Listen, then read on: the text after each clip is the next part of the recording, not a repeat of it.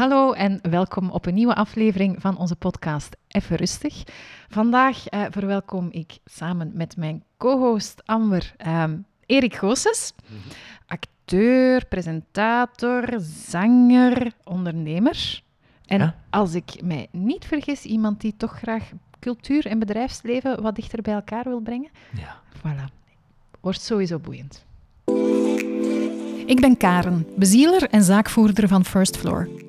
First Floor is er om jong, veelbelovend talent in HR en marketing de best mogelijke start van hun carrière te geven.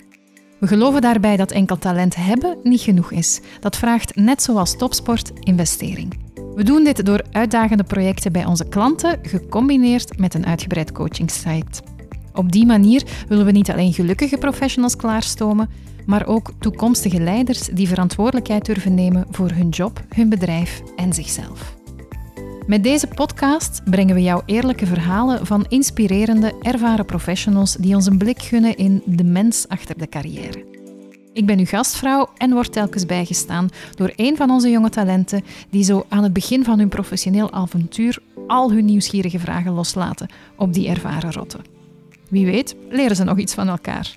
Veel kijk- of luisterplezier en welkom bij Even Rustig.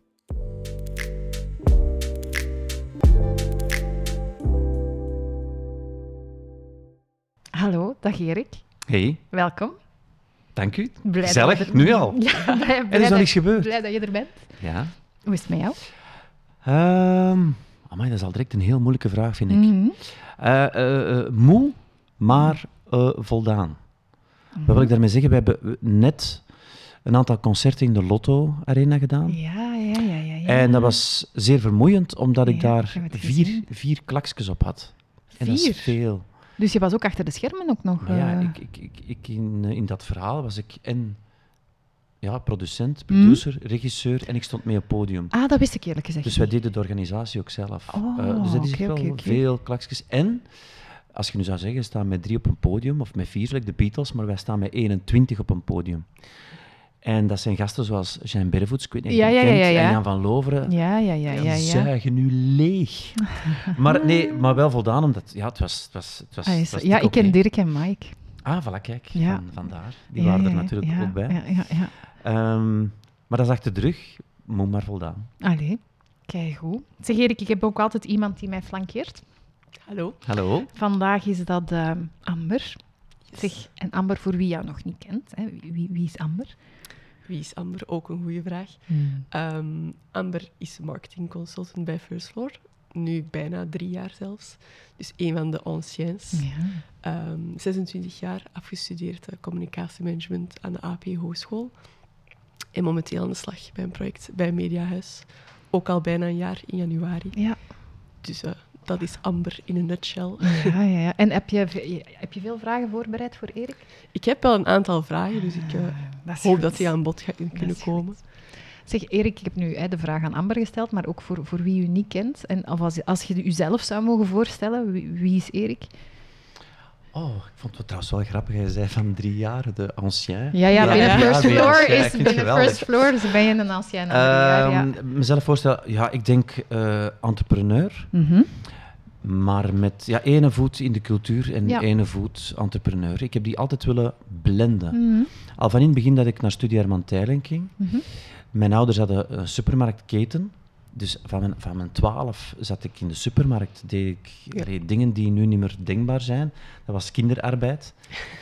Eh, maar dan echt ja, geconfronteerd geworden met mijn mentor, Wannes van de Velde. En dat is echt wel het andere uiterste Ja. van het bedrijfsleven. En ik heb dat altijd vreemd gevonden dat, dat, dat die twee werelden zo uit elkaar lagen. En vreemd omdat die elkaar heel hard zouden kunnen ondersteunen en helpen. Mhm. En op welke manier? Op alle manieren. Oké, nou. Omdat waar dat de ene te veel van heeft, heeft een andere een gebrek aan. Het is echt zo een beetje yin-yang verhaal. Ik probeer het altijd te omschrijven van mensen uit de cultuursector die Mhm. kijken op of neer naar het bedrijfsleven. Mhm. In de zin van ze kijken op omdat eh, ze vinden, ja, daar zit het grote geld. Ja. Of ze kijken neer van, dat zijn Neandertalers en die zijn niet met cultuur bezig. En andersom ook. eh, het, het, eh, het, cultureel, het, het bedrijfsleven, bedrijfsleven, denkt, denkt van, kijk, dat zijn de grote sterren, die, die, de grote podia, of de sportmannen, of wat dan ook. Of neer van, dit zijn de mensen die profiteren van ons systeem. Maar als je die mensen naar elkaar kunt laten kijken, dan kunnen er hele, hele mooie dingen ontstaan. Oké, en is dat, is dat een, een, een missie? Want dat is, hè, ik, ik heb jou eigenlijk toevallig leren kennen zelf op een, op een podcast waar dat wij alle twee te gast Ja. waren, nog niet zo heel lang geleden. Nee. En er waren twee dingen die bij mij zijn blijven hangen. Enerzijds wat ik nu zeg, hè, dus dat, dat bleef hangen bij mij, Mhm. oké, die twee werelden bij elkaar brengen. Maar anderzijds dat ik ook merkte van, oké, de manier van kijken naar ondernemen, naar mensen, naar mijn teams, mijn jong talent, ai, had ik de indruk dat we nogal op dezelfde golflengte zaten. Vandaar de vraag of je ook onze gast hier wou zijn. Ja. Ehm, maar die twee werelden samenbrengen, is dat iets recent of heb je dat echt altijd al gehad? Nee, ik heb dat altijd gehad, maar... Van in de Ehm, supermarkt. Ja, van, van toen eigenlijk, allee, van- vanaf het, toen dat ik op studie Herman Teiling zat, kon ik het niet goed begrijpen van dat het mensen uit de cultuur zo tegenover het bedrijfsleven Mm. stonden. En Mm. andersom. Ik vond En dat andersom. raar. En ik zat in die twee... En ik voelde me thuis in die twee werelden. Ja. Eh, maar het heeft mij wel bijna 30 jaar gekost om dat eigenlijk te... goh, echt formateren kun je dat niet, maar te gaan overbrengen. Mhm, En ik ben daardoor geholpen door netwerk ondernemen mhm, waar dat ik ben bij aangesloten gesloten en ik kreeg een mentor, mhm. eh, meer dan een jaar. En die heeft me echt wel een spiegel voorgehouden. De, zei van, ja oké, je hebt wel een bedrijf, maar als creatieve doe je eenmalige dingen. Hè. Een lied, een boek dat je schrijft, een kunstwerk, iets eenmalig, wat net tegenovergesteld is van een bedrijf. Ja. Je moet iets sustainable maken, et cetera, et cetera. En die heeft me dat wel doen inzien. En nu begint die klik wel te komen. En, en nu probeer ik daar werk van te maken, zodanig dat er beide partijen beter van worden. En bedoel je dan het, het stukje het creatieve, het eenmalige opportuniteiten of, of iets kunnen vastgrijpen van het culturele, overbrengen naar iets sustainable, duurzaam Ja. maken of recurrent hè, Ja? in, van het bedrijfsleven en daar iets samen van maken? Ja, beide. Hè. Dat bedoel ik ook van, kijk, het is niet zo geformateerd, want, want anders zou het niet echt creativiteit Nee, zijn nee, en, nee. En, en cultuur zijn. M- maar die, die bruggen echt gaan bouwen Mhm. en daar creatief mee omgaan. Hè. We vertrekken binnen volgende week vertrekken we met 250 man Mhm. naar, eh, naar Ibiza. Ehm, dat bedrijf heet Select. Mhm, Wij hebben daar een thema rond gemaakt, Cirque du Select. mhm. En ja, dat is van A tot Z drie dagen dat wij en een band daar meebrengen, eh, African culture mee te proberen in te duwen daar. Maar ook bijvoorbeeld een, een app ontwikkeld Ja. die op voorhand al naar dat traject, naar dat traject Ah, toe gaat, ja, ook, ja. ook mee afbouwt, zodanig dat je er veel meer mee zei dan enkel maar oké, het was plezant en het was fun en het was lekker. Echt het stukje de experience, hè, om het in marketing Maar te dat is het, ja, maar, maar dat is ook zo. Ik, ik vind ook, ik vind ook, ik, ik zie geen verschil tussen met, met een charter of twee vliegtuigen naar Ibiza gaan of een concert of een theater of zelfs een product voorstellen. Mhm. Het draait rond, be- rond de Beleving. beleving. Slash perceptie van dit is het beste water ter wereld en kan dat bewijzen. En dat is de reden waarom dat, dat in zo'n mooi glas is. En, en allee, snap je? Dus dat is beleving, beleving, Ja, ja, beleving. ja, ja. ja. Oké, boeiend. Nu, het, het, het doel, hè, de reden dat we de gasten uitnodigen op de podcast, Mhm. is om, ehm, omdat we eigenlijk jonge mensen een stukje willen inspireren en ook wel wat geruststellen. Hè, dat ik zei, van het komt allemaal wel goed. Ehm, dus vandaar, hè, juist, ik, ik geef toe, net omdat jij in zoveel verschillende werelden actief bent, vond ik u uiteraard een zeer interessante gast om ook eens eventjes uit te nodigen en Mhm. naar uw verhaal te luisteren. Nu, als je zo zelf terugkijkt naar uw loopbaan en carrière, wat is het punt waarop het voor jou begon? Is dat daar als twaalfjarige in die supermarkt? Of? Ja, ik ben wel gevormd en misvormd, eh, eh, inderdaad, van gevoeld dat eigenlijk. En ik weet dat dat misschien een oude stempel is dat dat zegt van mensen die opgevoed zijn in een zelfstandig Mm. nest. En dat heeft zijn voordelen, maar geloof me, Mhm, mhm. ook zijn nadelen. Dus daar is inderdaad al begonnen met, met eh, bewijzen, je moet verder. Het, het niet gaan of niet lukken is geen optie. Mhm. Dus je moet daar een oplossing voor vinden tegenover. Hè, eh, we hebben, ik weet nog, ik herinner me de, de, de, de Mhm, podcast, de mhm. podcast waar wij in zaten van hè, het werknemer-werkgever. Ik, ik hoop dat we naar, ooit naar een soort versmelting gaan komen. Wil ik dat dan zeggen dat elke werknemer, werkgever ook moet ineens zijn, ik weet het niet.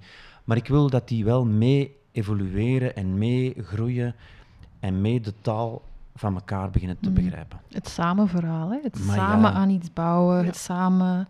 Ja. Ja, en je voelt, dat, je voelt dat heel vaak met werknemers, Mhm. is dat zij geen voeling of geen binding hebben met wat zij aan het doen zijn. En, maar dat is evengoed de fout van de werkgever dan de werknemer. Die, die absoluut. fout, die, die, die, het gaat me niet om ehm, een, een kant te kiezen. Hoe komen we er eigenlijk toe? Maar ik vind dat je, eh, eens dat dat een goede blend is, dan is alles mogelijk.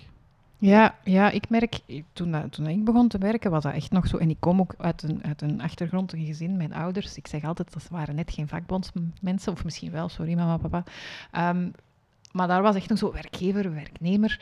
Ik heb dat zelf ook altijd absurd gevonden. Maar is dat bij, speelt dat bij u zo nog, de jonge mensen? Zo van, ja, ik denk ik dat ben... daar gewoon wel een, switch aan het komen is. Ik denk dat dat ook Ja, wel vaak is zo in, gewoon- als je vacatures nu leest, dat er heel, allee, zo heel hard wordt ingespeeld, ook op de beleving zelfs, op de werkvloer. En eh, mijn mama is een Nederlandse, dus ik heb Mm. al eens meegegaan met mijn tante, die werkt voor Geodis in Nederland. Ehm, en daar is die werksfeer ook helemaal anders. Zij heeft ook een hogere functie, maar de connectie tussen haar werknemers Mhm. eigenlijk en zelf is ook helemaal anders dan in België. Ik heb daar ook een, een paper over moeten schrijven toen. Dat ging over eh, culturele samenwerking. Ehm, dat was wel heel interessant om te zien ook. En ik denk dat dat bij, in België gewoon nog altijd heel hard leeft, zo de hiërarchie van oké, Mm. dat is onze baas of onze bazin.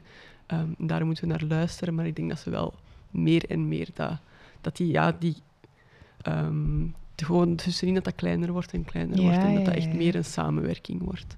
Maar eigenlijk om op uw vraag te Ja, antwoorden, de die je juist hebt Ja, ja, maar ik vind Nee, het zo'n van- boeiend thema, dan ben ik er Ja, echt mee en afgeleid. hè, Nee, maar- ah, omdat je zei van wanneer ben je dat beginnen beseffen en, en, en, en van ondernemerschap. En wij hebben nog het geluk gehad, en ik zal voor mezelf spreken, Mhm. want wij schillen ook nog eh, van, van leeftijd. Ja. Ik zal voor mezelf spreken. Nee, is, is om dat geleidelijk aan te laten gebeuren. Maar voor jullie is het, allee, dat tempo is Mhm. zo, zo wakko groot. Mhm. Plus, wij komen nog van structuren die dan Mhm. al decennia bestonden. En oké, er ging wel verandering. Wij hebben de computer weten integreren in de het boekhoudpakketten, want dat bestond vroeger niet. Wij hebben, het klinkt zo raar, maar zo, het internet weten traag opstarten. Ja, En, en, nu, en, maar- en, nu, er gaat geen een dag voorbij of er is iets dat veranderd is Nee. Nee. van een app of van een, van een, een systeem of van een denkwijze of van een... Dus dat, het, het is, wat dat betreft is het voor jullie veel complexer geworden.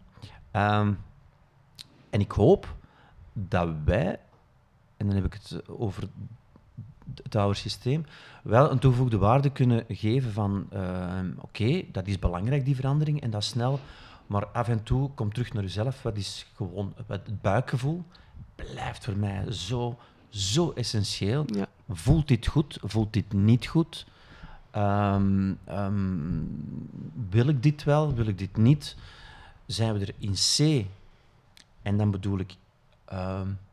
Goh, nu ga ik technisch. Misschien stel dat er een nieuwe marketing tool is om eh uw social media campagnes te voeren. Oké, Mhm. Je kunt zeggen, ja, we gaan dat integreren en we gebruiken dat. Maar gewoon even, wacht, voor, voor wat is dat nu nodig? En waarom gaan we dat dan uiteindelijk? Dus zouden we toch niet even beter wachten om dat te doen? Mhm.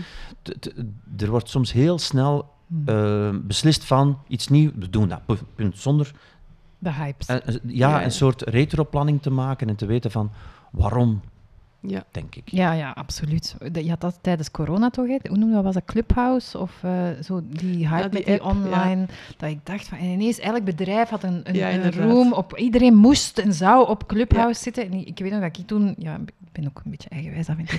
Eh, zoiets als van, ja, kei goed verandering, maar ik ga even afwachten om te zien of het een voorbijgaande hype is of iets, of Ja. iets dat gaat blijven. En ik denk dat nu op sterven na dood is of zo, twee jaar later. ja, ik heb er eigenlijk al heel lang niks meer van gehoord. ook dus ik denk dat het ook Nee. niet meer zo heel erg Nee. gebruikt wordt. Het is misschien een corona-hype geweest. Ja, maar bon, dat was dan goed voor tijdens de corona. Voilà. Dus ik ga dan even terug naar de supermarkt. Twaalf jaar supermarkt, je zei voordelen, nadelen. Voordelen hoorde ik u zeggen, hè, er moet een oplossing komen, je moet samenwerken. Eigenlijk, ja, het niet lukken of het is, is geen optie. Wa- waren er nadelen dat je zegt van dat... Ja, je, je, je, je staat ermee op en je gaat ermee slapen. Hè. Ja. Ehm, ja, je bent er eigenlijk constant mee bezig. Ik deed op, op die leeftijd, je gelooft dat dus niet, maar ik deed, eh, wij waren in het weekend open. Mhm. Dus ik deed ook de kassas in het weekend. 12 jaar, hè? De kassas, dus de kassas natellen en wat dan Ja, ook. En dat ja. was dan Belgische frank nog. en ik was maandagochtend op school en ik had gewoon al dat geld bij.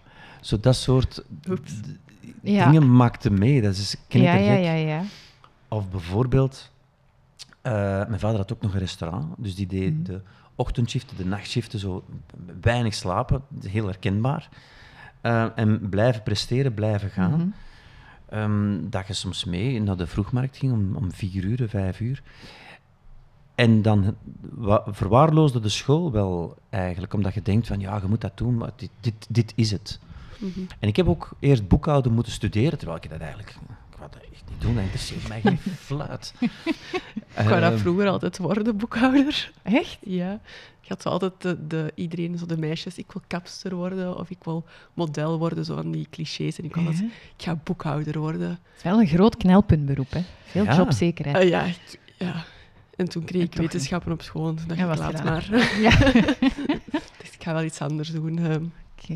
maar ja, Maar jij dus echt het typische verhaal van een kind uit een gezin zelfstandige. Want Mhm. ehm, een van de andere podcasts, hè, Marnik, die, die zei dat heel goed. Die is ook opgegroeid mee als 12, 13, 14-jarige in een tomatenkwekerij van zijn familie. En Ja. zei, ja, toen spraken ze nog niet over ondernemers, dat waren zelfstandigen. Zelfstandig, ja.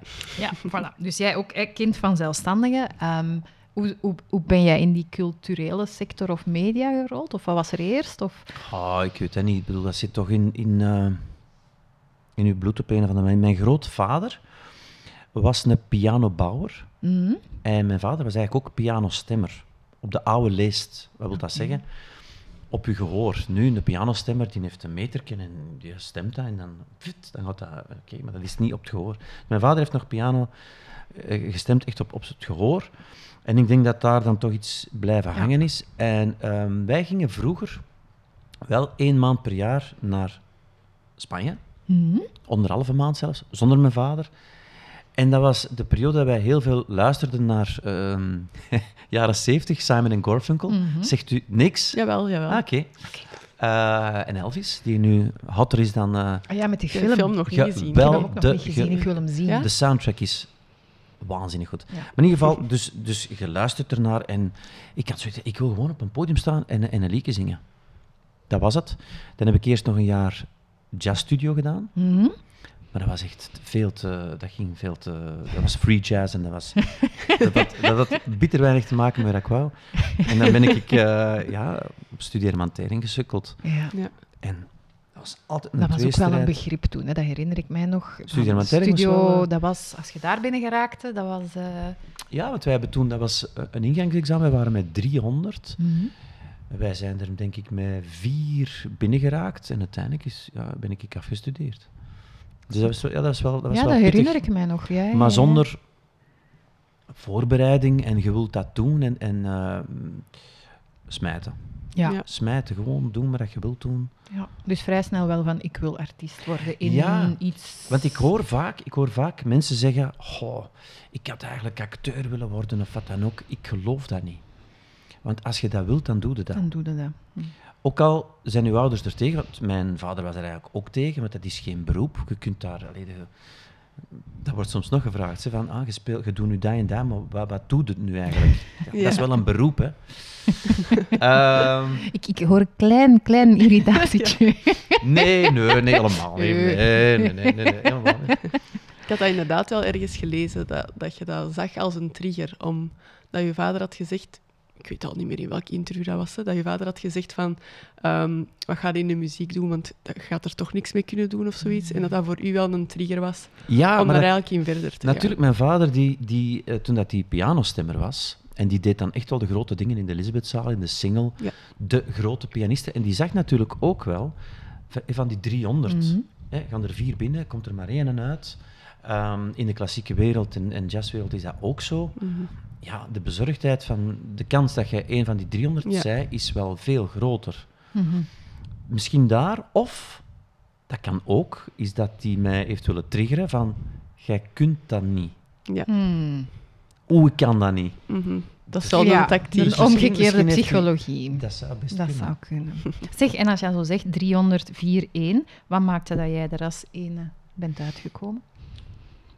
Is dat talent? Doorzetten? Is dat Ja, doorzetten? ik denk, ik denk, dat... ik denk een, een, een, eh, een beetje van alles samen. Want ik ken mensen die niet geslaagd zijn, die nu in Hollywood eh, Mm. eh, aan de bak zijn. En je hebt mensen die afgestudeerd zijn, die daarna een heel ander beroep zijn, Mhm.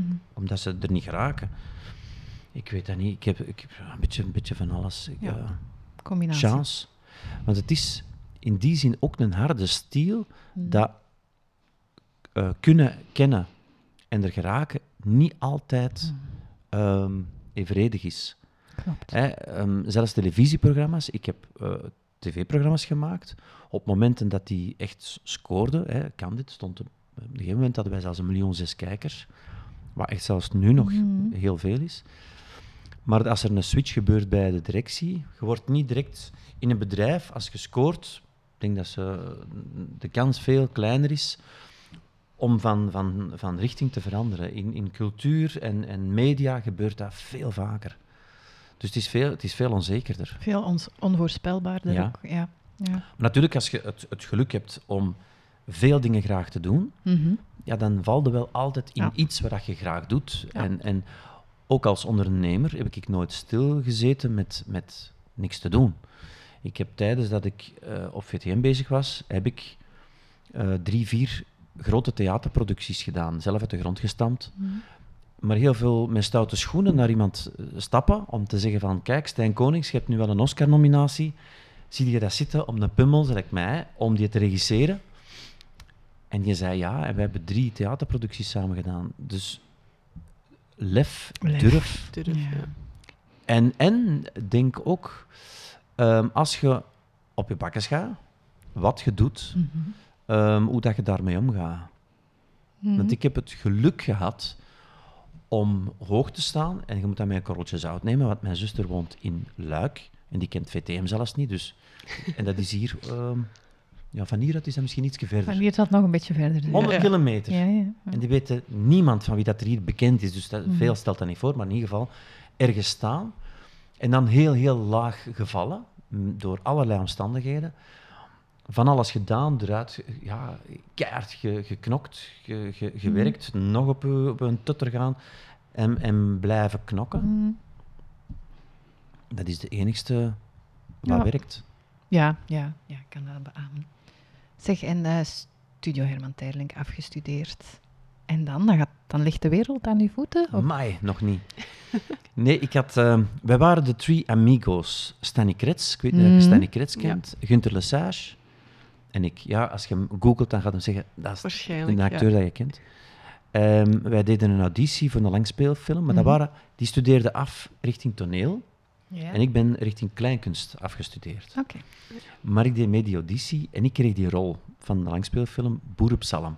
Oh nee, echt? Ja. Dus ik heb Boer op Salm direct meegedaan, de langspeelfilm. Ehm, en ik had een contract bij het KJT, het Mhm. jeugdtheater. Mhm. En ik heb daar het geluk gehad om daar direct vier eh, hoofdrollen te krijgen. En dat blijft voor mij mijn zaligste tijd. Omdat, ja, ik had echt geen zorgen. Ja. Geen. Ik deed, dat moest ik niet ondernemend zijn. Dat was echt zo van... Dat is de productie dat je doet, dat is de tekst dat je doet. Amuseer je ermee, doe dat goed. En, en, eh, maar ehm, toch blijven zoekend naar. En toen kwam Leopold 3. Ja. Er stonden heel veel optredens gepland. Eerst als voorprogramma van Clouseau. En de radio's. En Ja. de scaps. En de kreuners. En na drie jaar draaide dat om. En waren zij soms voorprogramma van ons. Ja, dat zijn mijn tienerjaren, hè. Dat, eh, Ja? Ja, ja, ik zeg het. Ik was zo'n bakvis die... De radio's vond ik ook wel echt heel goed. Ja, maar die waren goed. She Goes Nana. Allee, die, die zijn goed. Ja, en dan, en dan inderdaad Leopold 3, dat was al... Oh ja, ja. Dat, Ja. ja, en voor mij was dat heel moeilijk, omdat in C, ik stond niet achter die muziek. Hmm. Ik dacht toen, grote fout dat ik heb gemaakt, ehm, ik dacht, ik ga even voor het geld en voor populariteit, Mhm. ehm, en dan doe ik daarna wat ik wil, En dan neem ik, al is dat maar 20% van dat publiek mee, maar dan heb ik dat wel. Ja. Ik ben een grote fan van Bowie. Mhm. En dat was iemand die erin slaagde om in een stadion voor 50.000 man iets te doen en daarna in een theater voor 300 man iets te doen. Ik zeg, ja, dat is hetgeen dat ik wil. Maar dat, dat marcheert niet zo. Dat marcheert helemaal zo niet. Dus eh, eh, inderdaad, voor veel volk Mhm. gespeeld. Ehm, en allemaal vrijblijvende nummers. Wel allemaal allee, veel hits gescoord. Ja, ja. En daarna doe ik een solo-cd en dat gaat dan nummers over euthanasie, nummers over Stop de Vlaamse Ku Ehm, De wereld Spiegel, Ja, eh. ja, Ja. exact. Ja, de boot, nu ga ik mijn boodschap brengen. Nu, ga ik, nu ga ik eens vertellen wat ik wat eigenlijk ik wil eigenlijk vertellen. wil vertellen. Maar ja. dat marcheert zo niet. Dus dat wordt niet geaccepteerd. En idem dito familie. Ik heb familie meegedaan, Mhm. 30 jaar geleden. Mhm. Ja. Toen kwam VTM naar mij, ja, die waren pas begonnen, in Mhm. 89. Ja. Ehm, en die zeiden, ja, we willen iets maken, dat alle fictie dat alle dagen op tv komt. En dat gaat over een vader en een zoon. Wilde jij die zoon zijn? Vroeg Mike Verdreng mij. Wij wisten bij God niet waar dat zo was. Nee, want dat was de eerste, dat was voor thuis, hè? Dus dat was de Ah, eerste ja, ja, Vlaamse soap. tuurlijk, Want dan dat was- herinner ik mij dat ja, dat toen ook big thing was, de. Vlaamse soap. Dat was echt wel... Ja, dat was echt wel... Ja. ehm, dus ik, ik deed dat, maar ik voelde direct naar, naar een jaar van... nee, nee, dit is niet wat ik wil. En ik wilde Mhm. stoppen. En VTM zei toen... Ja, als je daarmee stopt, dan stopt de Super 50 ook. Dus dat was een ander programma dat jij toen Ja, presenteerde. ik presenteerde ook nog Super 50, een Ja, popprogramma. een popprogramma. Dat ik van Koen had overgenomen. Ja. Oké. Ehm, en die zeiden van, ja, maar als je stopt met dat, dan stopt dat ook. Ik zeg, oh, dan zal ik het nog maar een jaar doen. En dan heb ik Mhm. gezegd van, oké, dan doe ik het nog een half jaar, maar dan moet ik er nog een programma bij krijgen. Hmm. En dan heb ik Candid gekregen. Ja, Ja, ja. ja. Ja. En daar, En kan dit, hè, want voor de, de jongere luisteraars, Ja. was video, video een soort van verborgen camera. een soort, dat was verborgen, verborgen camera. camera, hè, de Vlaamse verborgen Pure verborgen camera. En daar heb ik eigenlijk eh, het vak geleerd. Wat wil ik daarmee zeggen? Ehm, wat ik nu in mijn bedrijf ook toepas. June Beekmans, die toen ook bij ons begonnen is, is Mhm. nu eigenlijk een van de grootste, zo niet de grootste producer die hier in België is. Als er Hollywood naar hier komt of echt grote, dan werken die met June. En die is Ah, ook met Candid ehm, vergroeid, zou ik maar zeggen. En kan uitleggen waarom. Mhm. Omdat dat een programma is waarin dat redactie, productie, ehm, allemaal samenkomt. Ik heb 500 films gemaakt. Ik heb bijna alle ministers beetgenomen. Heel veel acteurs, bekende mensen. Dus dan moesten wij afhankelijk van de BV of wat dan ook een Mhm. scenario beginnen te bedenken. Gekoppeld aan een locatie, gekoppeld aan budgetten, gekoppeld aan alles eigenlijk. Ja, ja, ja. ja. Dat is iets anders, dat is helemaal anders dan andere Gewoon een programma's. productie. ja. Eh, het was ook een super duur programma. Ehm, heel veel mensen die ook via onze weg begonnen zijn. Tom Waas is bij mij begonnen. Ja, ja. echt. Ja, is Die bij was mij ook nog begonnen. buitenwipper, hè? Maar... Die is als buitenwipper. Ja, en die is wij Opgepikt. opgepikt eh, bij ons. Die heeft zijn eerste candidates. eh, Ah, ja. de eerste, een van de eerste candidates dat ik met hem draaide, wij waren alle twee verkleed als agent. Wij liepen op de keizerlei en wij begonnen op elkaar te slagen. Dus ik vertelde de mensen van, ja, als er twee politie, wie moeten we dan bellen? En dat soort dingen. Ja, ja, ja, ja, ja.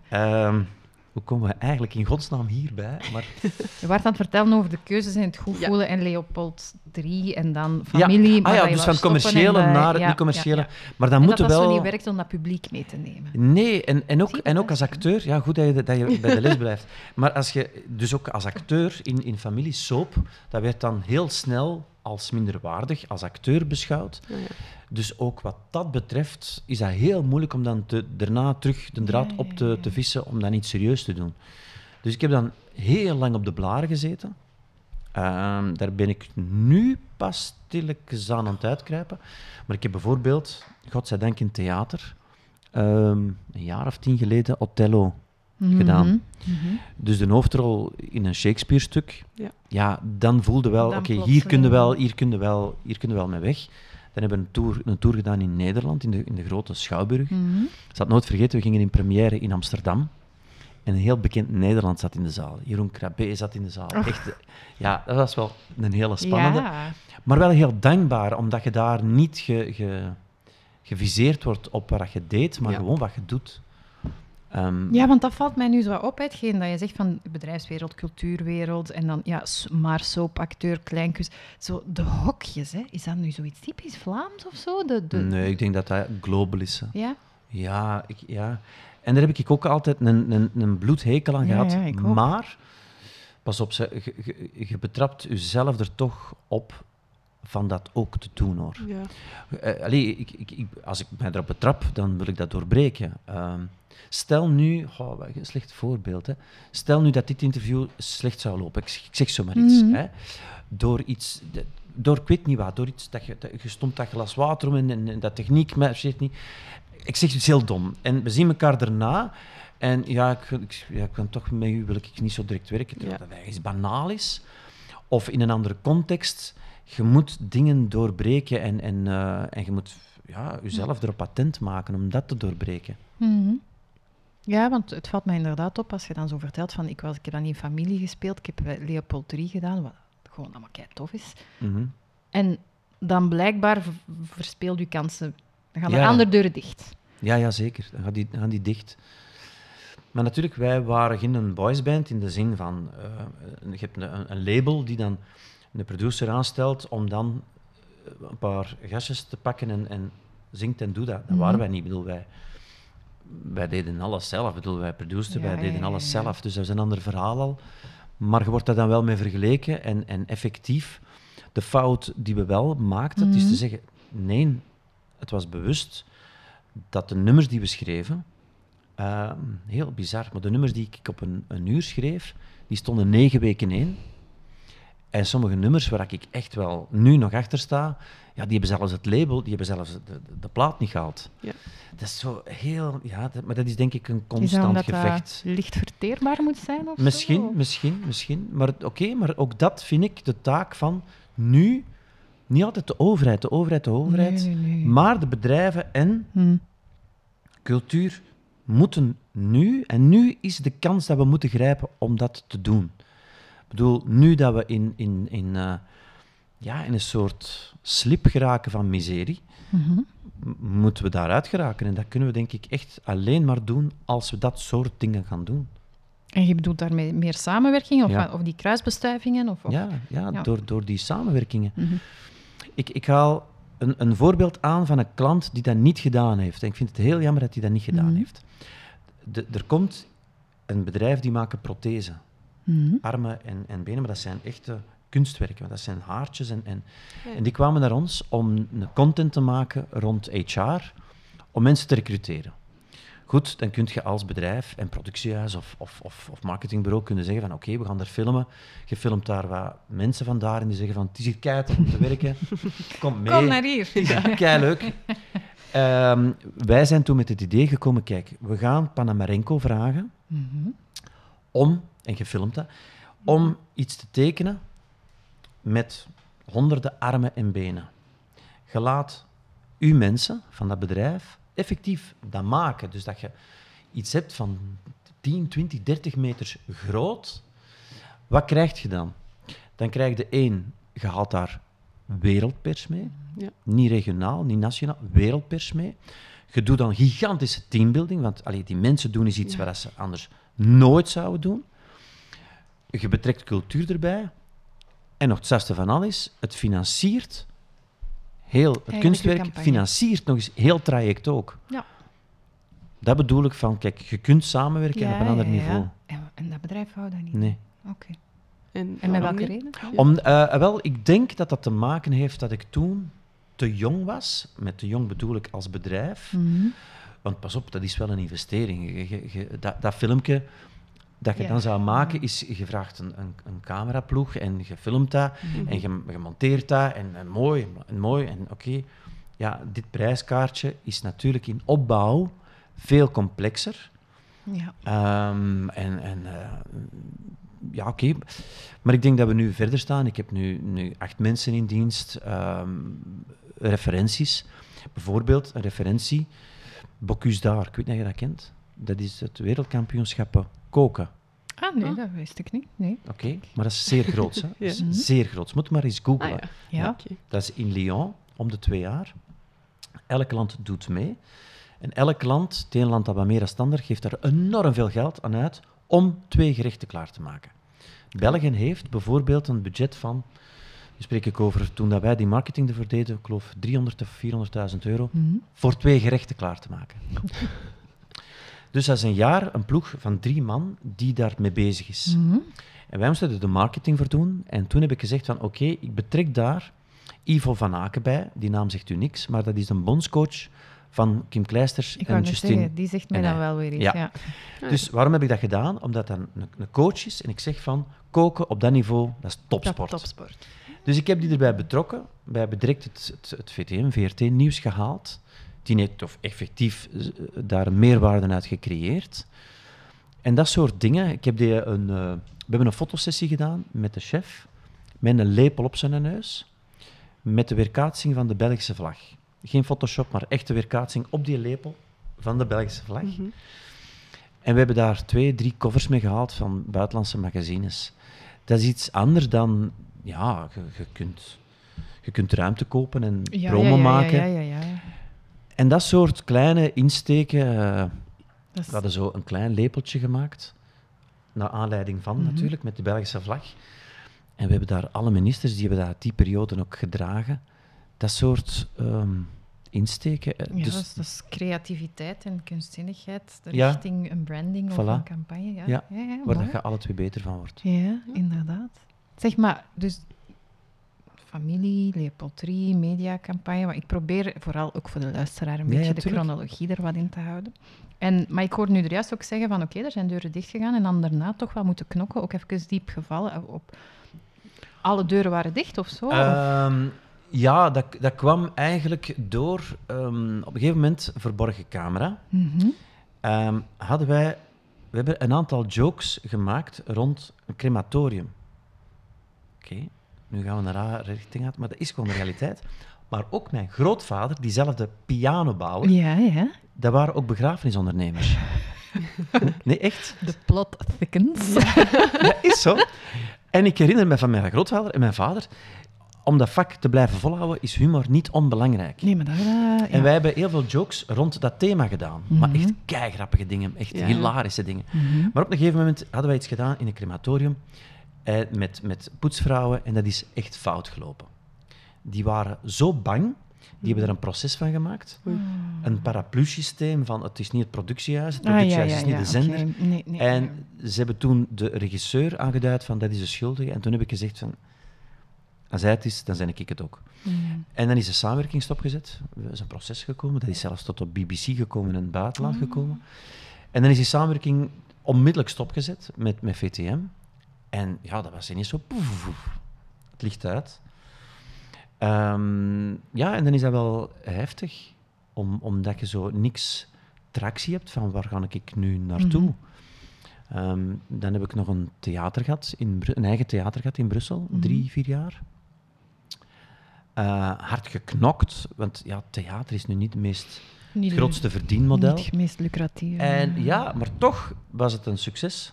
Mhm. Ehm, door hele bizarre en onwaarschijnlijke boeiende dingen. Mhm. Niemand weet, zelfs acteurs in Vlaanderen weten niet, dat er in Brussel vier Engelstalige theatergezelschappen zijn. Ja, ik Dat is hier ik wist 50 het kilometer van ik hier. wist, ik wist het niet. Nee, voilà. Dus dat allemaal beginnen zoeken. Dus, eh, dus een gezelschap vanuit Australië, een gezelschap Engeland, Amerika, die hebben daar allemaal theater Mhm. gespeeld. Eh, m- ik heb ook subsidies gekregen van Bertoncio en Mhm. dat theater, maar dat was echt een krot. Liggen opbouwen en we hadden meer dan 120 voorstellingen per jaar. Dat marcheerde keigoed. En die eigenaar, die zei op een gegeven moment, en nu gaat hij dat kopen of het stopt. Ja, en dan, ja, dan, dan ben ik daar. eh, Ja, dan moest het stoppen, want dat was, dat was, Ja, tuurlijk. eh, dat was een top-top locatie in Brussel. Dat was heel groot. ja. Eh, recht tegenover de KVS. Mhm. Dat was ook waar dat de Franstalige liberalen zaten. Die kantoren waren erbij. Er waren appartementsgebouwen bij. Dus dat was heel dat complex. Ja, en dan was ik te, te klein, te klein garnaal om, om, om dat verder te zetten. Voilà, en dan ben ik eh, beginnen... Naar bedrijf, dan ben ik eigenlijk naar het bedrijfsleven beginnen eh, werken. En hoe oud was, was je toen ongeveer? Om even 30 denk ik zeker, in de 30. in de dertig, ja. Ja, in de 30. ehm, ik was mij alles gestopt, met Leopold 3 gestopt. Ehm, En dan ben ik wervingsclips beginnen maken voor bedrijven. Mhm. Omdat ik een, een format had gemaakt ehm, op Vitaya nog. Ik weet niet of je die zender kent. Ja. Mhm. En dat heette De Job van je leven. En was, de format was heel simpel. We, we zochten een aantal knelpuntberoepen. Mhm. Ehm, dat, dat ging van glazenwasser tot souschef tot geluidstechnieker. En dan namen wij drie kandidaten mee. Wij gaven die extra eh, ja, cursussen of ah, referenties. Mhm. De souschef ging wij bij Peter Goossens koken, dat je referenties bij kreeg, maar ook wel lessen bij kreeg. En dan, waren er, dan was er eigenlijk op het einde een aantal proeven dat die moesten afleggen. En een van de drie kreeg effectief een contract van onbepaalde duur. Oké. Dat was de format. Recruitment marketing avant la lettre. Ja, ja misschien. Eigenlijk, Ja, ja. eigenlijk. Is dat niet recent ook nog op tv geweest? Of dat soort? weet ik niet. Dat kan dat er, dat er al afgeleiden dan daarna zijn ja, ik geweest. denk dat er op VTM zo'n programma was waar eh, mensen die dat een bepaalde job al deden, maar iets totaal anders zouden doen. Ja, maar dat is natuurlijk nog iets anders om... om, om, om ja, eh, gingen zien wat Dat was beste een voor bij hun passen. Ja. ja, ja. ja. Maar eh, dat was het eerste programma dat Vitaya ooit had gemaakt. Ja. Want, want ja, we willen dan...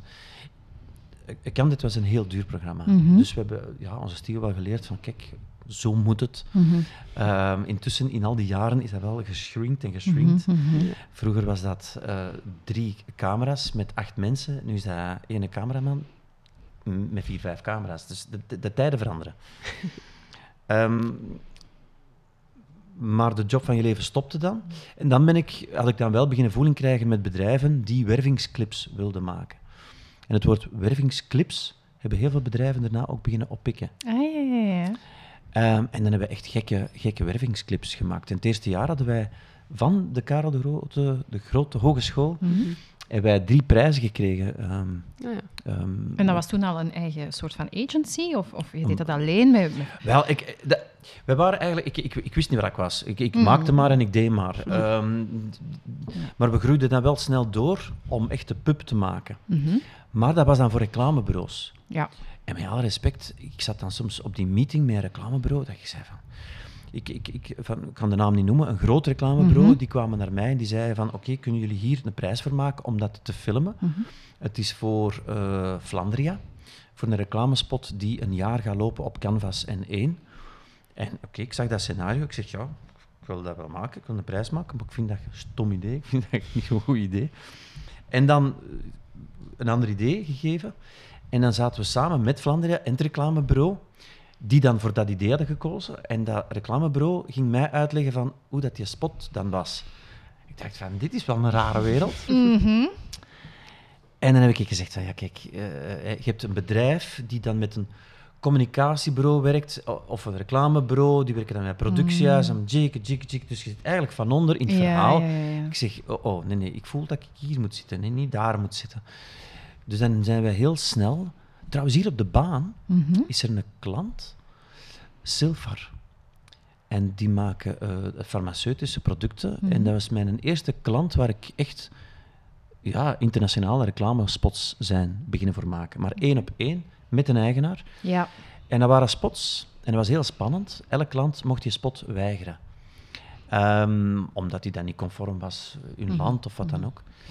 En de eerste spot die we gemaakt hebben, ja, dat was goedgekeurd in meer dan 60 landen.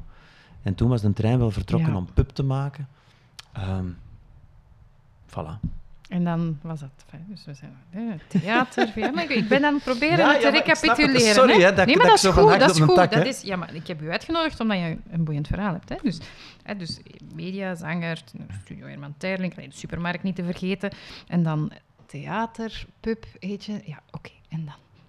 Dus dan heb je dat gedaan. Ehm, ja, dus die reclamespots, en dat bleef, dat bleef wel groeien. En ik moest dan één iemand in dienst nemen, een monteur, dan moest ik ook nog iemand erbij aannemen. En dan begin je ook te voelen van, oké, ik moet niet alleen creatief zijn, ik moet die mensen ook, Ja. en de payroll en, en vakantiedagen, Ja. en, en, en zien dat eh, het boekhoudverhaal daar rond. en je zegt van, ah, oké. Ja, ja, ja, wacht, heel boeiend. Dus dan had ik iemand, eh, die heeft 13 jaar bij mij gewerkt. Mhm. Dat is toch al Dat tamelijk is- lang. Dat is lang, ja. En toen heb ik een fout, nee, want ik zou terug hetzelfde doen. Toen is er iemand op mijn pad gekomen, Mhm. Eh, een muzikant. En ook iemand die hardware instrumenten verkoopt, groothandel. En die, die zei, het gaat heel slecht in de muziekindustrie.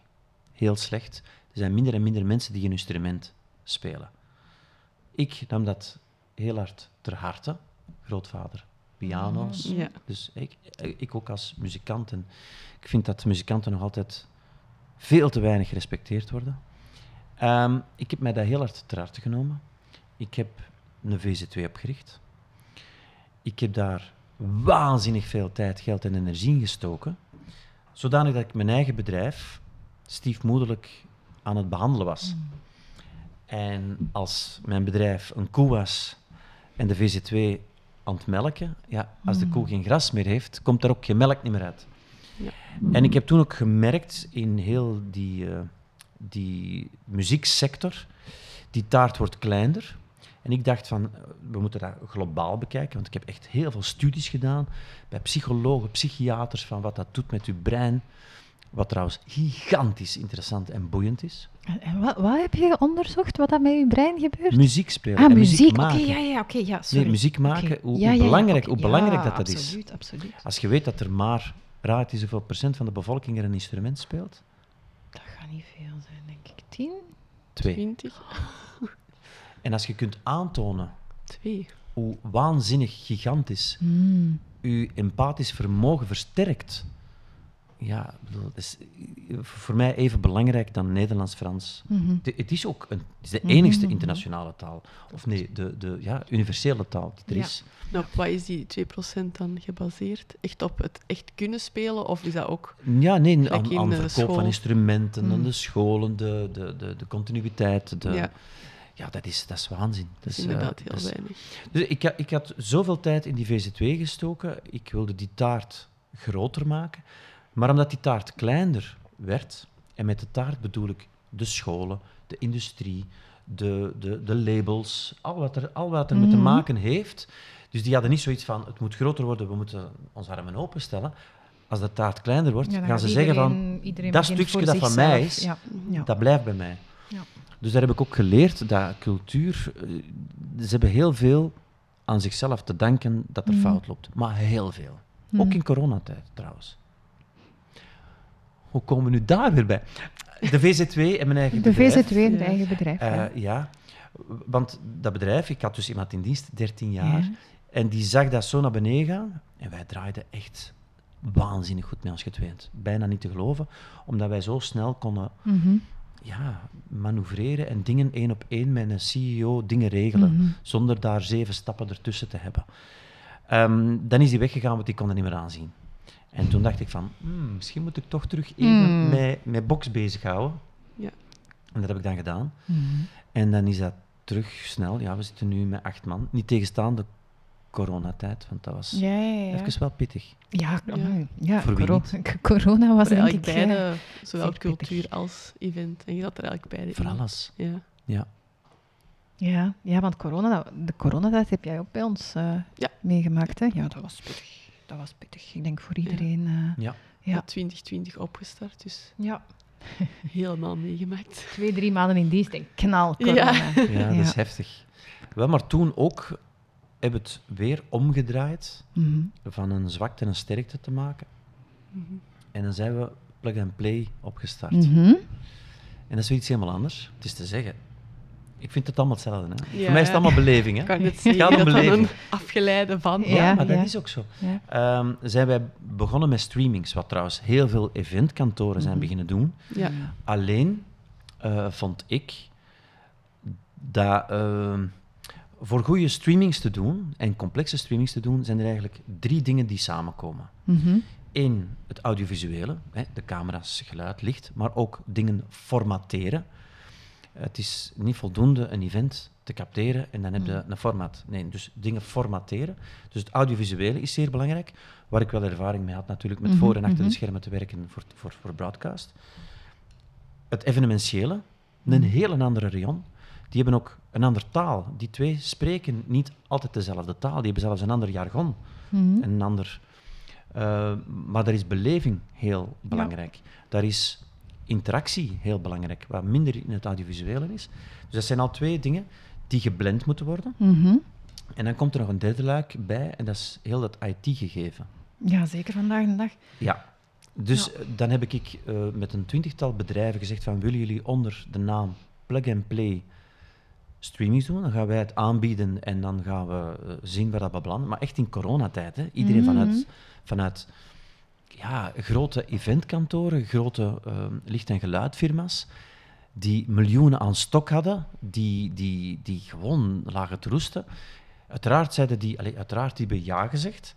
En we hebben heel snel streamings kunnen doen, waar ik ook wel voelde dat dat was voor de afdeling van de bedrijven, communicatie, Ja. marketing, Ja. HR. Dus voor mij was dat ook natuurlijk een win-win situatie om, om eh, ja, nee, het is een te vies woord, ik kan het toch gebruiken, om te penetreren in die bedrijven, om, om voeling te hebben. Mhm. En dat is wel, dat is wel eh, gelukt. Maar ook, ik zeg het nu allemaal zo simpel, maar het is wel knokken. Ja, hè. nee, en het is, het is heftig. knokken, want wij hadden ook bijvoorbeeld, wij hebben voor de overheid en zelfs de Europese Commissie Mhm. grote streamings gedaan. Dat er, dat er op dat moment toch een man of 30, 40 voor ons bezig was. Uit de audiovisuele, uit de event en uit de IT-wereld.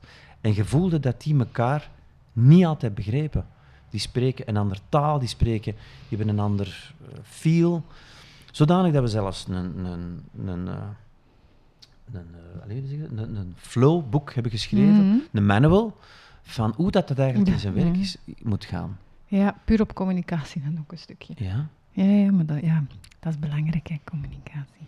Dat is zo, zo belangrijk. Mhm. Ja, en, maar hoe meer communicatiemiddelen dat er zijn, hoe minder dat er Hoe minder dat er wordt. echt wordt. Ja, ja, het gaat soms meer over het middel en de dingen dan over de boodschappen en het echt met elkaar. Maar ik, ik snap het ook, omdat, je, om, om, omdat we niet meer leren hoe dat we er moeten mee omgaan. Mhm. Ik geef een voorbeeld. Wij hebben binnen ons bedrijf een WhatsApp-groep. Mhm. Ehm, ik denk dat dat dan is voor noodsituaties, maar dan beginnen daar dingen in te sijpelen. Ja. Leuk, hè? En, en ik ben de laatste om te zeggen dat humor niet belangrijk is. Maar je moet, je moet het voelen wanneer dat kan. Hè? Ja, ja, ja. Ja, en wat dat waar. En zeker de overload aan communicatie het vraagt ook wel afspraken maken af en toe van eh, Dat hoe is of waanzin. wat. Ja, Maar klopt. iedereen maakt daar fouten in. Tuurlijk. Ik zit Ja. nu in thuis en ik, ik, ik, eh, mijn rol is zo wat aan het groeien. En je denkt een geoliede machine, die bestaan al, ik weet niet, 10 Hm. jaar, 15, 20 jaar. Hm. Een geoliede machine. Man, man, man, goud is dat dat soms. Maar dat eigenlijk niet zeggen, hè, maar het komt in orde. Hè. Nee, van heel veel, eh, veel, veel te veel communicatie. Van het gewoon zeggen van morgen daar zijn. Punt. Ja, ja, ja, ja. ja. Maar het is niet gemakkelijk. Nee, nee, nee, klopt. Zeg, en als je nu zo zelf terugkijkt naar dat hele parcours, want inderdaad, ik vind dat er wel een rode draad in zit. Zijn er zelf dingen, je hebt het af en toe eens aangestipt, dat je zegt van ja, daar heb ik spijt van? Of achteraf gekeken, had ik dat anders gedaan? Of niet gedaan? Of wel? Of...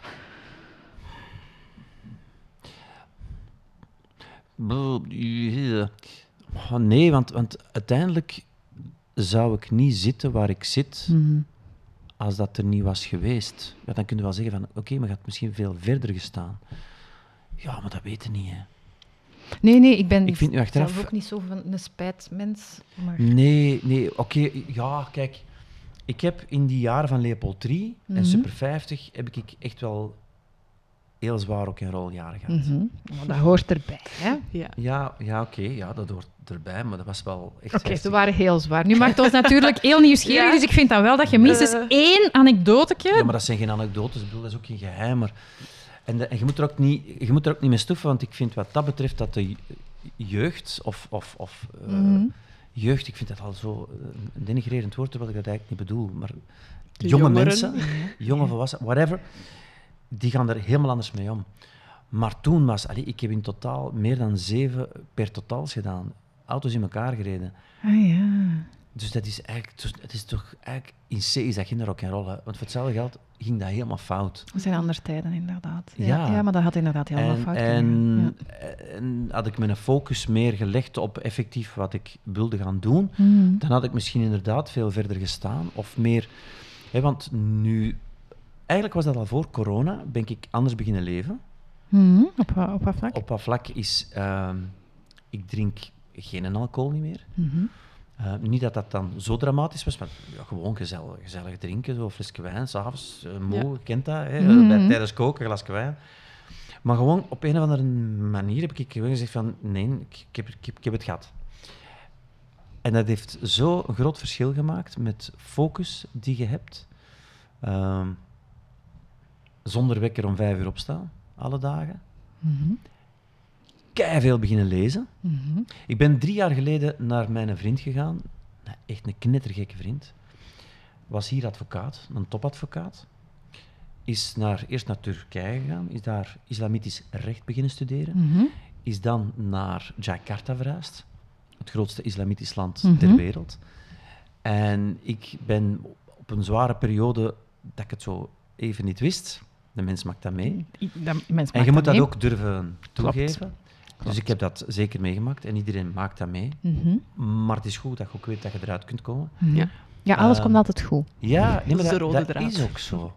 Want weet dat is dan zo raar dat je dan, als je eruit zei, Ja. dat je het niet snapt. Hé, wat was dat dan? Hier, Ja. dat punt beneden. Mm. Nee, hè, dat is zo belachelijk. Dus dan ging ik naar Jakarta en toen heeft hij mij een boek eh, meegegeven. The 13 Rules. Ah ja, ja, ja. een beetje ehm, controversieel. En, en Mm. ik heb dat op het vliegtuig beginnen lezen. En sindsdien ben ik, ik ja, alle dagen veel boeken beginnen lezen. En, en, en als je zegt van, als je dingen zou terugnemen, zou het dan vroeger zijn beginnen lezen? Nee, want ik denk, Alles op zijn tijd, hè? ja, als ik nu thuis in de zetel zit en je ziet op tv rock en roll, ja, dan heb ik niet de frustratie van, Nee, nee. ik heb daar wel ook Ja, gestaan. klopt. Ja, dus ja. Eh, nee. ja. Nu, van de vijf uur 's ochtends club ben ik helemaal mee. De- Geen alcohol, nee, daar ben ik nog niet. Nee, nee, Bieke die probeert dat af en toe Mhm. eh, mee te doen. Dan moet ik zeggen, op vakantie drink ik wel... ehm, dat, we zijn nu net een paar dagen op verlof geweest. Dan, denk ik een paar, dan zou ook zeggen van, ja, dan drinkt het de- de. Maar dat Ja. denk ik, dat gewoon. Ja, maar ik zou dat denken. Nee, maar ik heb het er eigenlijk Nee. echt niet moeilijk mee. Ik heb het ook niet moeilijk van mensen die drinken, want ik ga zelfs voor Bieke Ja. wijn halen of als wij gasten hebben. Ja, ja, ja. Dat, Ja. Nee, ik vind dat, dat, Ja. dat moet Ik kunnen. heb nu recent ook ehm, de podcast-aflevering Welcome to the EE met Evi Hansen Mhm. geluisterd. En die heeft Mhm. ook een boek geschreven van Sinds ik niet meer Ja. drink. Ehm, en daar spreekt het woord uit soberschaamte, denk ik. Ik vond eigenlijk een, een, Sober ja, ik vond eigenlijk een heel leuke term. Mhm. En dan ja, ze vertelde ze dat ze eigenlijk, als ze ergens kwam, een, een festiviteit of zo, en ze, dat ze echt moest vertellen van ja, ik drink eigenlijk niet. Dat ze dat, zich daar een beetje voor schaamde. Ik weet niet of je dat zelf ook hebt ervaren. Ja, ik zit natuurlijk in de rock and roll nog als. al- Ja. Ik bedoel, de Groenblijvers, dat is een groep van tien zangers. Mhm.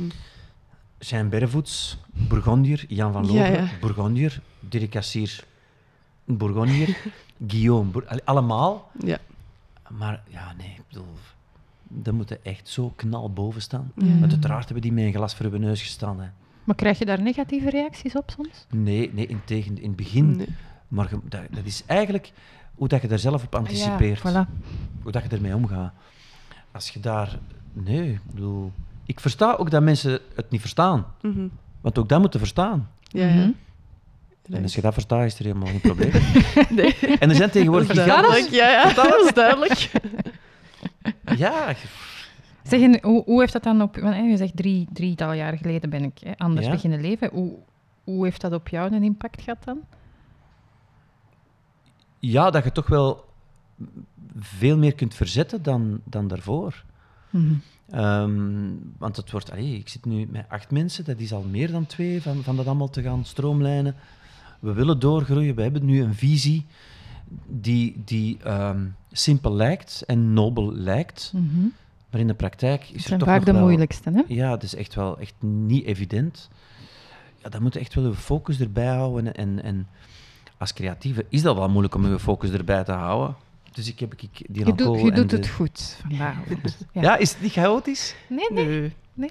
Dankzij was- Karen dat- kunnen we volgen. Ja, dat is, ah, wel, dat is een perfect... Maar dat is ook zo. Had jij er nu mee een beetje, dan hadden wij ergens Mm. gezeten eh, Ja. in Marrakesh, denk ik. Terug Ehm, in Jakarta misschien. Ja, of Ibiza. Ik vind dat het allemaal ook. goed klinkt, hè? daar niet van. ja. ja, maar het is volgende week heel hard Ja. werk daar. Ik ging nog iets zeggen en ik ben het weer kwijt. Ja, ik, vroeg, ik vroeg hoe dat impact op jou heeft gehad. hè. Ja, Dus, enorm, eh, omdat ik nu ook Veel eh, meer veel werk sport. verzetten. En, ah ja, oké. ja. Ja, ehm, en dat is een beetje gekomen omdat mijn ego heel hard geraakt is geweest. En dat komt omdat Jan van Loveren zei, doe eens een marathon mee. Dus ik zijn beginnen lopen. Mhm. En ik zeg, ja, ik loop erin mee. Ehm, Berlijn. ik loop erin mee.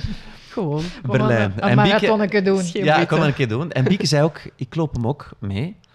En zij waren er al drie dagen ervoor in Berlijn. Ik was de avond ervoor nog in, in, in Antwerpen, want ik had nog een optreden. Ja, ja. En toen ben ik wel nog even blijven plakken. S'nachts naar Berlijn gereden, daar s'morgens toegekomen en beginnen lopen. Maar allee, Erik. Foute boel. Ja, maar allee, kom. En ik heb, ik heb eh, foto's die ik niet ga laten zien. Nee. Ik kan ze ook niet direct vinden.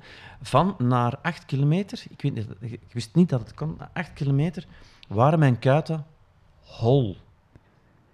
Dat kan dus, hè? Ja, eh, ja kijk, ja, het kan. Hol. Hol. Hol. Hol. Dus die, zo. Na acht kilometer. Ja. En dan heb ik nog Uw spieren die zo verzuurd waren of zo zo. verzuurd ja. waren.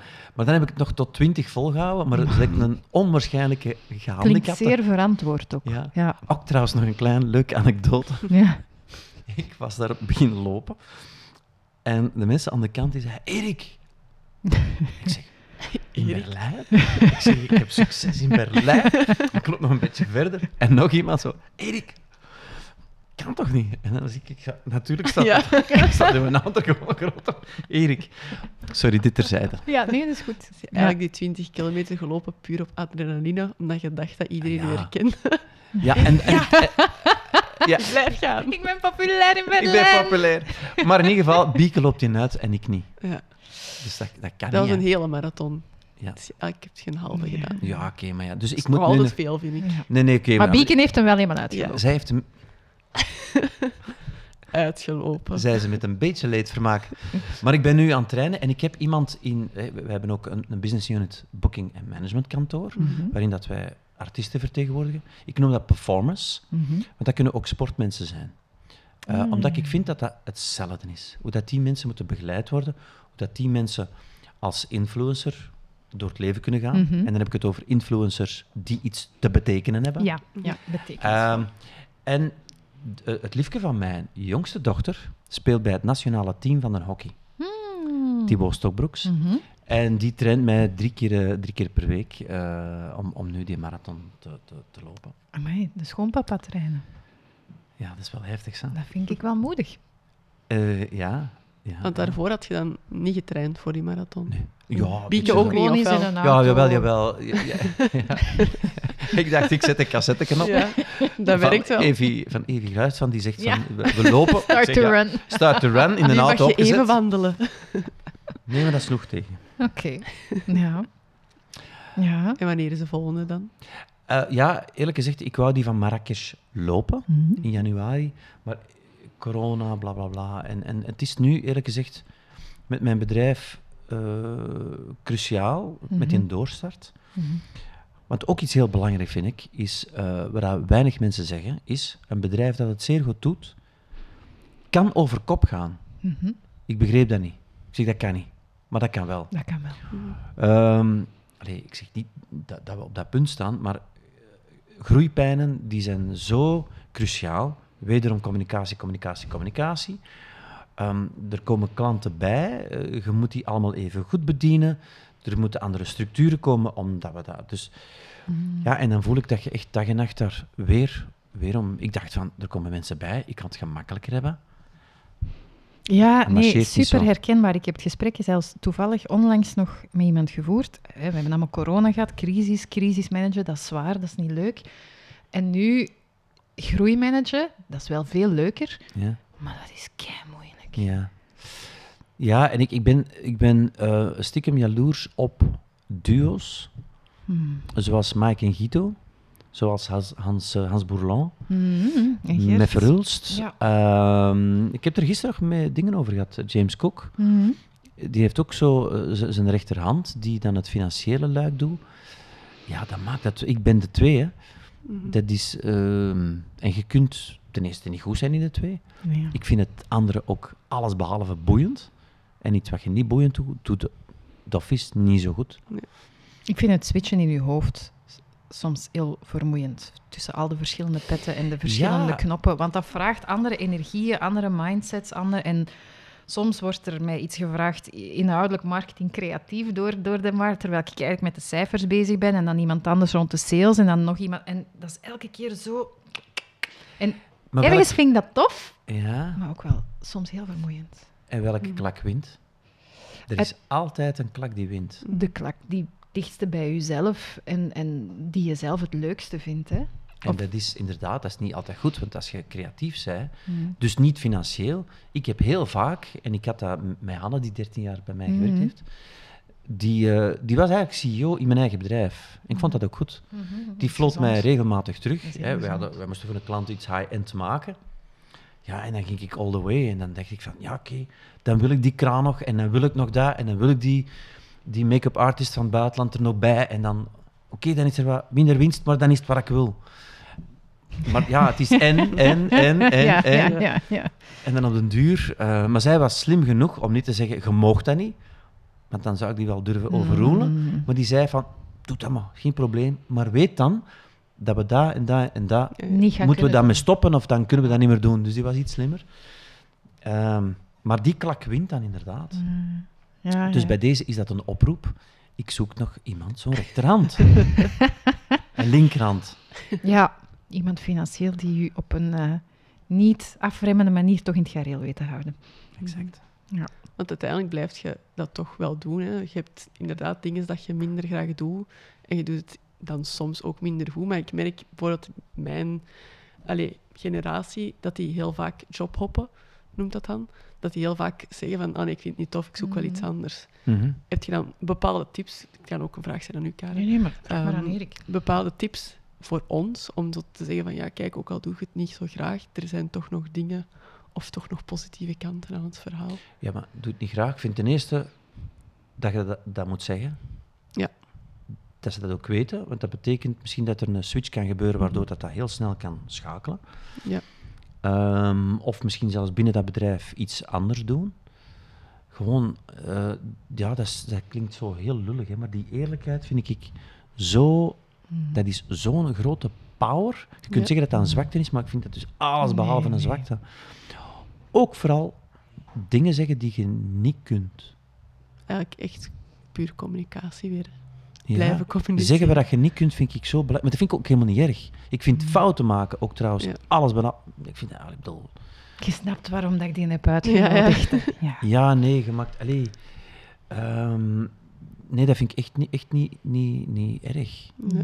Maar fouten niet toegeven, dat is lastiger. Waarom?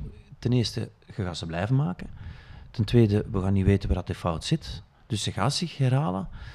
Ehm, dus dat is weer die eerlijkheid. Ehm, en dat, dat hoppen, is dat, is dat een trend? Ja, ik merk dat toch dat er toch wel... ja, ja. Bijvoorbeeld, dat is een stom voorbeeld, hè, maar op mijn LinkedIn dat ik zo eh, vaak zie dat er een jaar later, al- is het zelfs korter dan een jaar soms, dat er weer- ah, die Mhm. heeft weer een nieuw job of die is, ah, die is weer ergens anders begonnen of amai, die is eigenlijk totaal iets anders gaan doen, maar dat hij in eerste Mhm. instantie nog niet eens heeft gestudeerd. Dus ik merk dat wel op dat vlak Mhm. dat dat Ja, ja, toch wel in zit. Ja, ik- maar ik denk ehm, dat je dat ook voor jezelf moet uitmaken in het begin van in wat voor soort bedrijf dat je wilt werken. Mhm. Natuurlijk kun je dat niet weten als je nog niet hebt gewerkt. Nee. Nee. Ik geef een voorbeeld. Ik had een, een, eh, een meisje dat bij mij is komen werken, die kwam van... ah, ik weet niet van welke school dat ze kwam. Eigenlijk, eigenlijk niet toe. Een school. Maar, ehm, en die, deed- die deed dat keigoed, die deed dat keigoed. Op een gegeven moment is trouwens, die heeft de monteur bij mijn bedrijf leren kennen. Dat is een koppel geworden, die hebben nu twee kinderen. Dat is eigenlijk bij ons ontstaan. aan. Maar los daarvan kwam die op een gegeven moment wenend om te zeggen dat ze ontslag wou nemen. En wenend omdat ze het wel heel tof vond, maar zij had veel meer structuur nodig. Dus die is eh, evenementen beginnen doen binnen Deloitte. Mhm. Een veel grotere, Ja, ja, ja. een veel grotere ehm boîte is, waar dat je maar een klein deeltje adderke zei van het gegeven. Ja. Dan bij een kleiner bedrijf, bij ons, kun je wel veel verschillende dingen Mhm. doen. Veel verantwoordelijkheden. Ehm, vrijheden hangt samen, hè? verantwoordelijk, vrijheid. Mhm. Ja, ja. dat Ehm, weet ik. Ja, dat hangt samen. En, en als je dat weet, dus dat je dat voor jezelf probeert. Maar ik denk dat jij dat ook al ondervonden hebt in de verschillende projecten die je gedaan hebt. Hè? Die verschillende omgevingen, want je hebt ondertussen een vrij goed beeld juist van wat dat je wil. Ja, je merkt nu, allee, als ik voor mezelf mag spreken, Tuurlijk. je merkt nu gewoon veel sneller van, oké, je komt ergens en dat is allemaal nieuw in het begin, maar je, merkt sneller, ah, die zijn al mee in het verhaal, oké. Mhm. Of, Ja.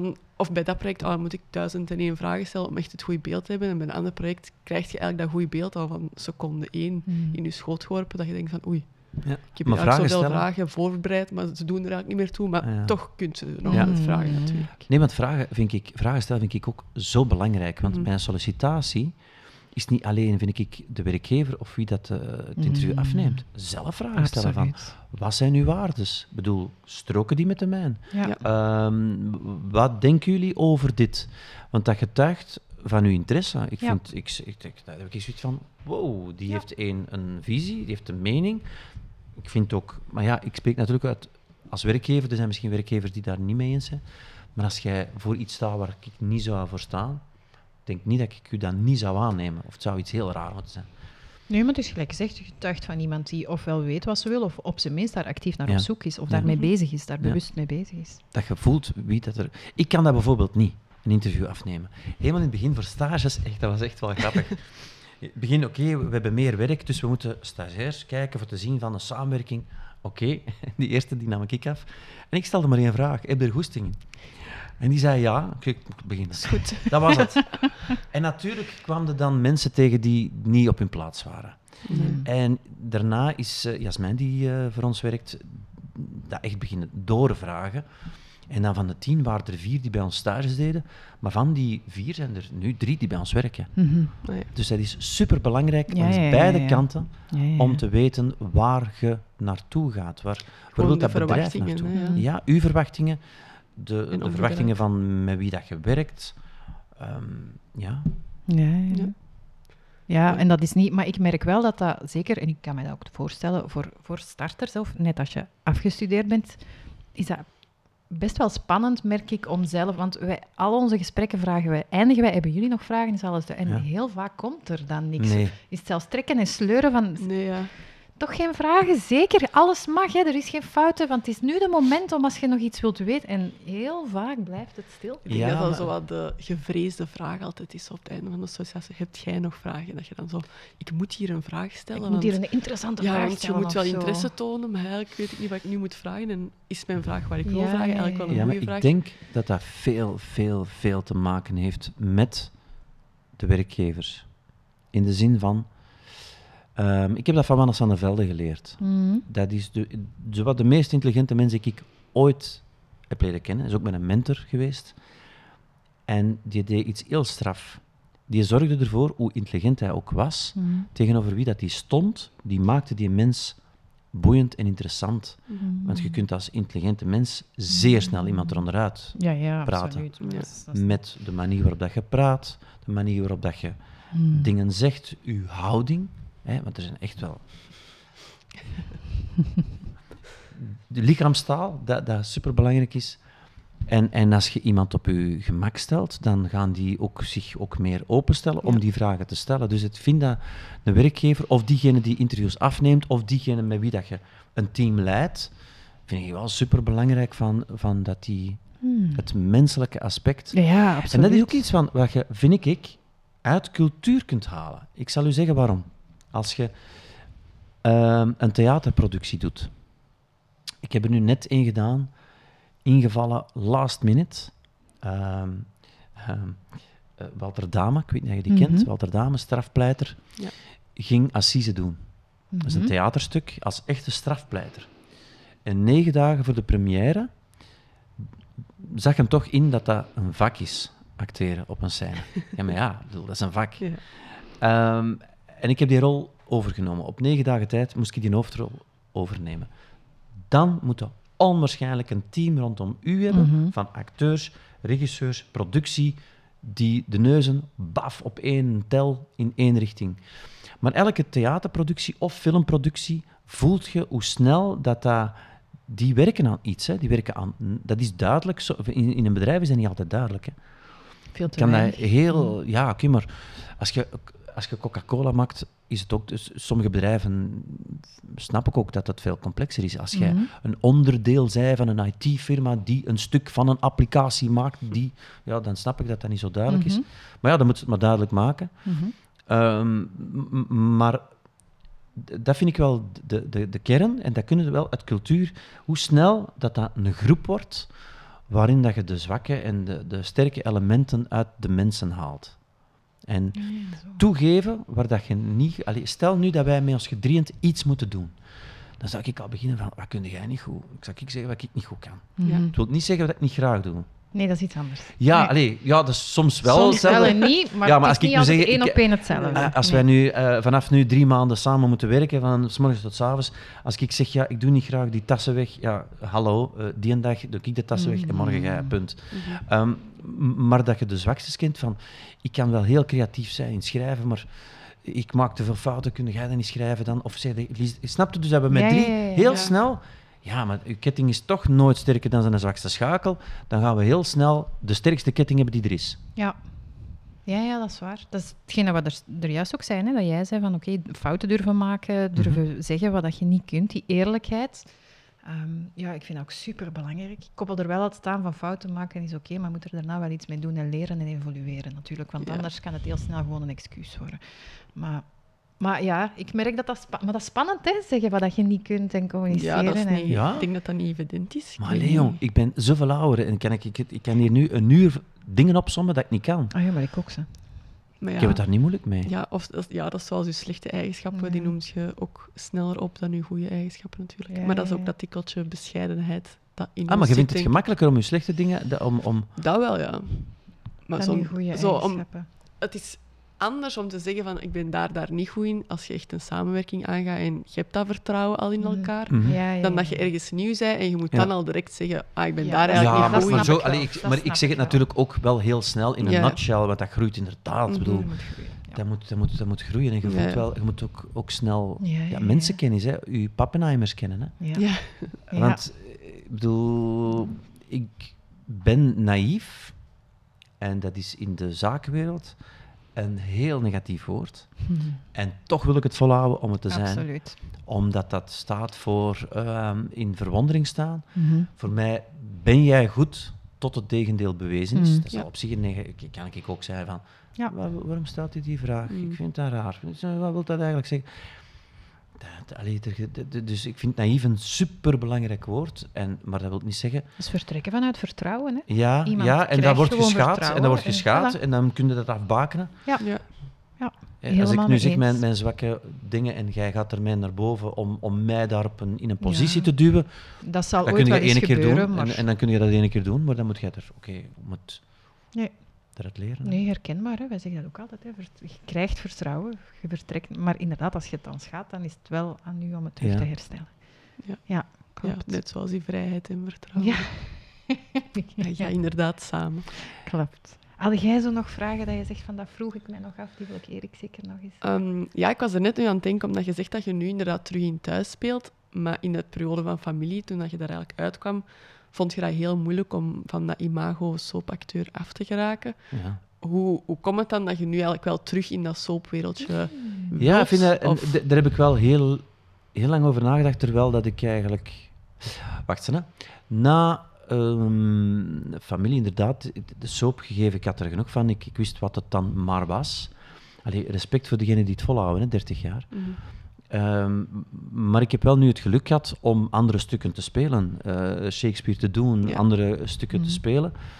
Dat ik zoiets had van, ik hoef, ik hoef mij niet meer te bewijzen. Allee, voor wie en voor wat. Plus, ik heb mijn eigen bedrijf. Ik weet ook waarom ik het doe. Hè. Ik, ik heb nu...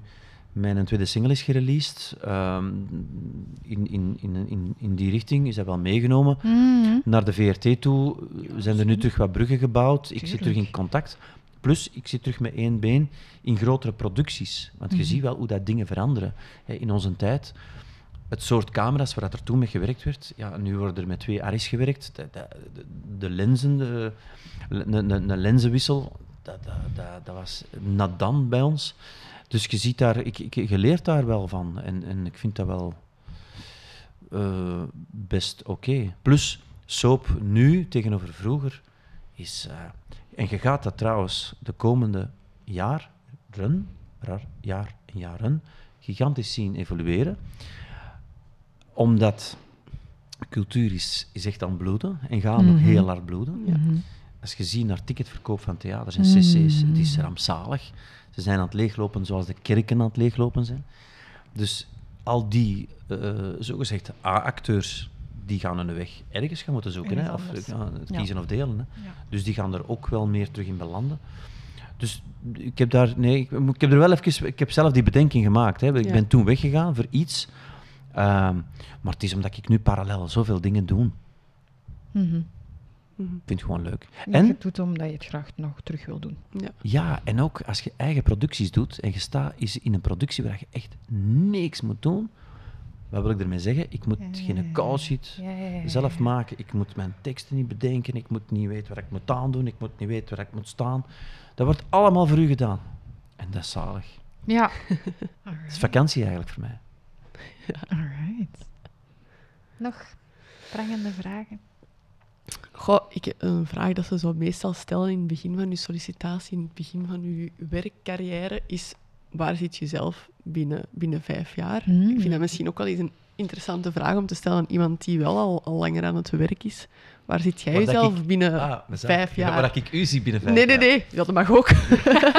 Als je dat weet. Ehm, eh, pa, pa, pa, pam. Mm, Ik zal zeggen waar ik hoop.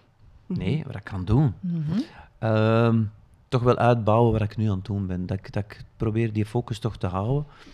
Hoe weird dat dat ook is met die businessmodellen. Maar dat ik die bruggen echt kan beginnen bouwen.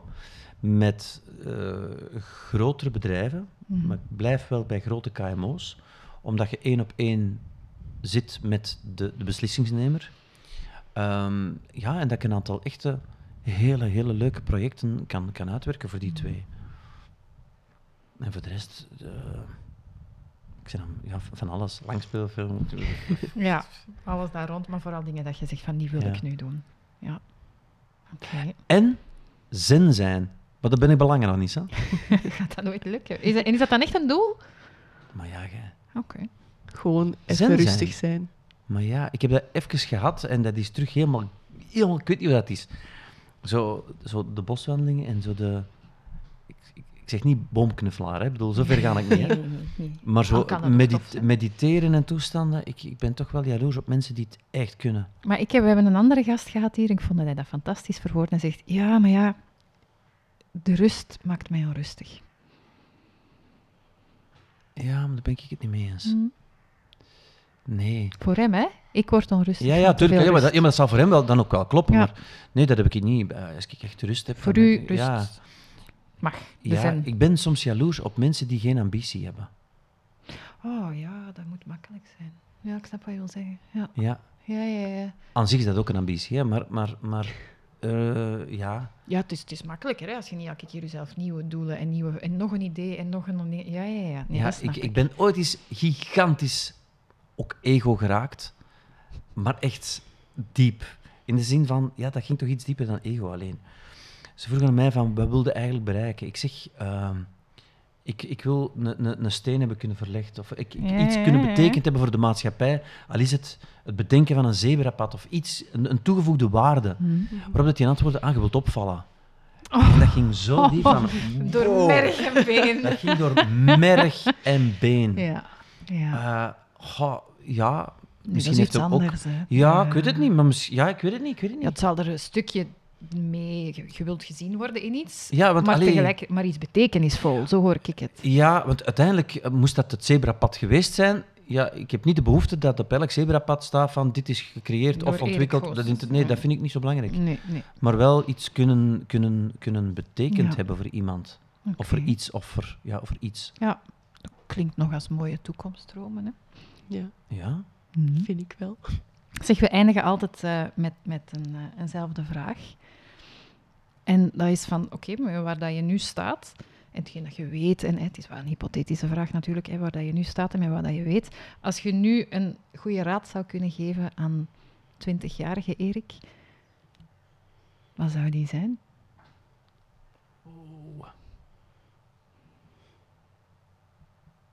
Goh.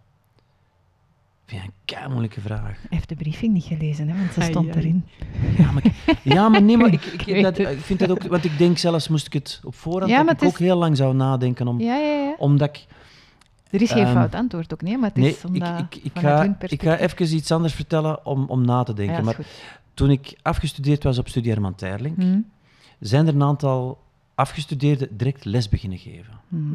Onder andere Ernst Leus, Stani Krets ook, Gunther. Mhm. Ik heb dat nooit begrepen. Ik zeg, hoe kunnen u in godsnaam, als je het zelf niet weet, gaan uitleggen aan mensen? En nu ben ik in de leeftijd, 55, hè, binnen, een paar Mhm. weken, van nu ga ik iets kunnen, kunnen, kunnen doorgeven. En dan nog is het moeilijk. Wat ik denk, is, is ehm, dat buikgevoel, vind Mhm. ik toch een zo belangrijke. Er zijn zoveel intuïtieve dingen dat we eigenlijk nog niet te goed kunnen duiden van waarom voel ik dit niet aan of wel aan. Mhm. En dat is echt zo, dat wordt altijd zo afgewimpeld. Doe dat niet, niet afwimpelen. Ik bedoel, Mhm. eh, Ja, dat ja. klopt wel ergens. Dat is waar. Ehm, die eerlijkheid vind ik een, een mega belangrijke. En dan, nu ga ik mijn eigen tegenspreken, is focus houden, maar toch zoveel mogelijk proeven. En dat vind ik wel, Mhm. of door het vele proeven toch weten van waar wil ik naartoe gaan. Mhm. Er is een opleiding nu op ehm, de Karel de Grote Hogeschool, crossmediaal. Mhm. Mhm. En vind ik op zich wel heel boeiend, want daar gaan we naartoe. Ja. Er gaan heel veel beroepen, ik heb dat eens gelezen, 80%, maar dat geloof ik niet, verdwijnen. Dat lijkt mij nu toch ook Ja, wel wel, heel oké, dan zal ik het fout hebben gelezen. Maar in ieder geval, er gaan heel veel beroepen verdwijnen Mhm. en er gaan er heel veel nieuwe Maar ik bij net zeggen, er gaan er heel veel Tuurlijk. nieuwe ontstaan ook. Hè. Ehm, ja, dus... dus ehm, Dus buikgevoel, eerlijkheid. ja, want ik denk ook dat je van ons en generatie niet veel niet meer gaat kunnen leren, omdat wij anders geschoold zijn. Wij hebben... Allee, waarom zouden wij u nu uitleggen hoe dat een fax in elkaar steekt?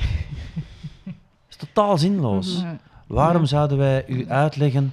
Het enige dat wij kunnen meegeven zijn waardes. Mm. Omdat die, voel ik, wel nu Mm. mega belangrijker nog worden dan ervoor. Ehm, Ja.